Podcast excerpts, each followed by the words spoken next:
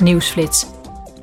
Vandaag houdt de Commissie Industrie, Onderzoek en Energie een speciale zitting om stil te staan bij het feit dat de Russische invasie en de aanvalsoorlog tegen Oekraïne nu al één jaar duren.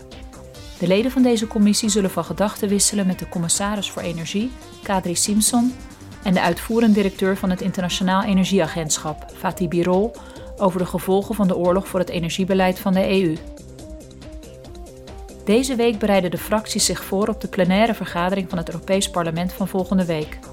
De parlementsleden zullen dan debatteren en stemmen over het voorstel voor de herziene Europese richtlijn over de energieprestatie van gebouwen, om het tempo van renovaties op te voeren en het energieverbruik en de uitstoot van broeikasgassen te verminderen.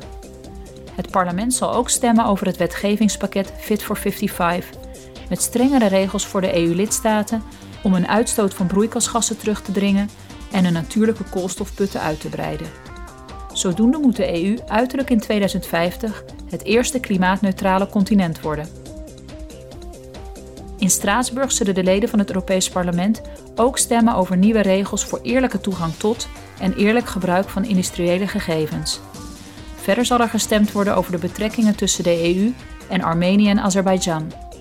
Ook zullen de leden bespreken hoe de energiezekerheid in de EU in 2023 kan worden gewaarborgd, zullen zij in het kader van de debatreeks Dit is Europa van gedachten wisselen met de Litouwse president Gitanas Nausėda en zullen zij daarnaast Internationale Vrouwendag 2023 vieren.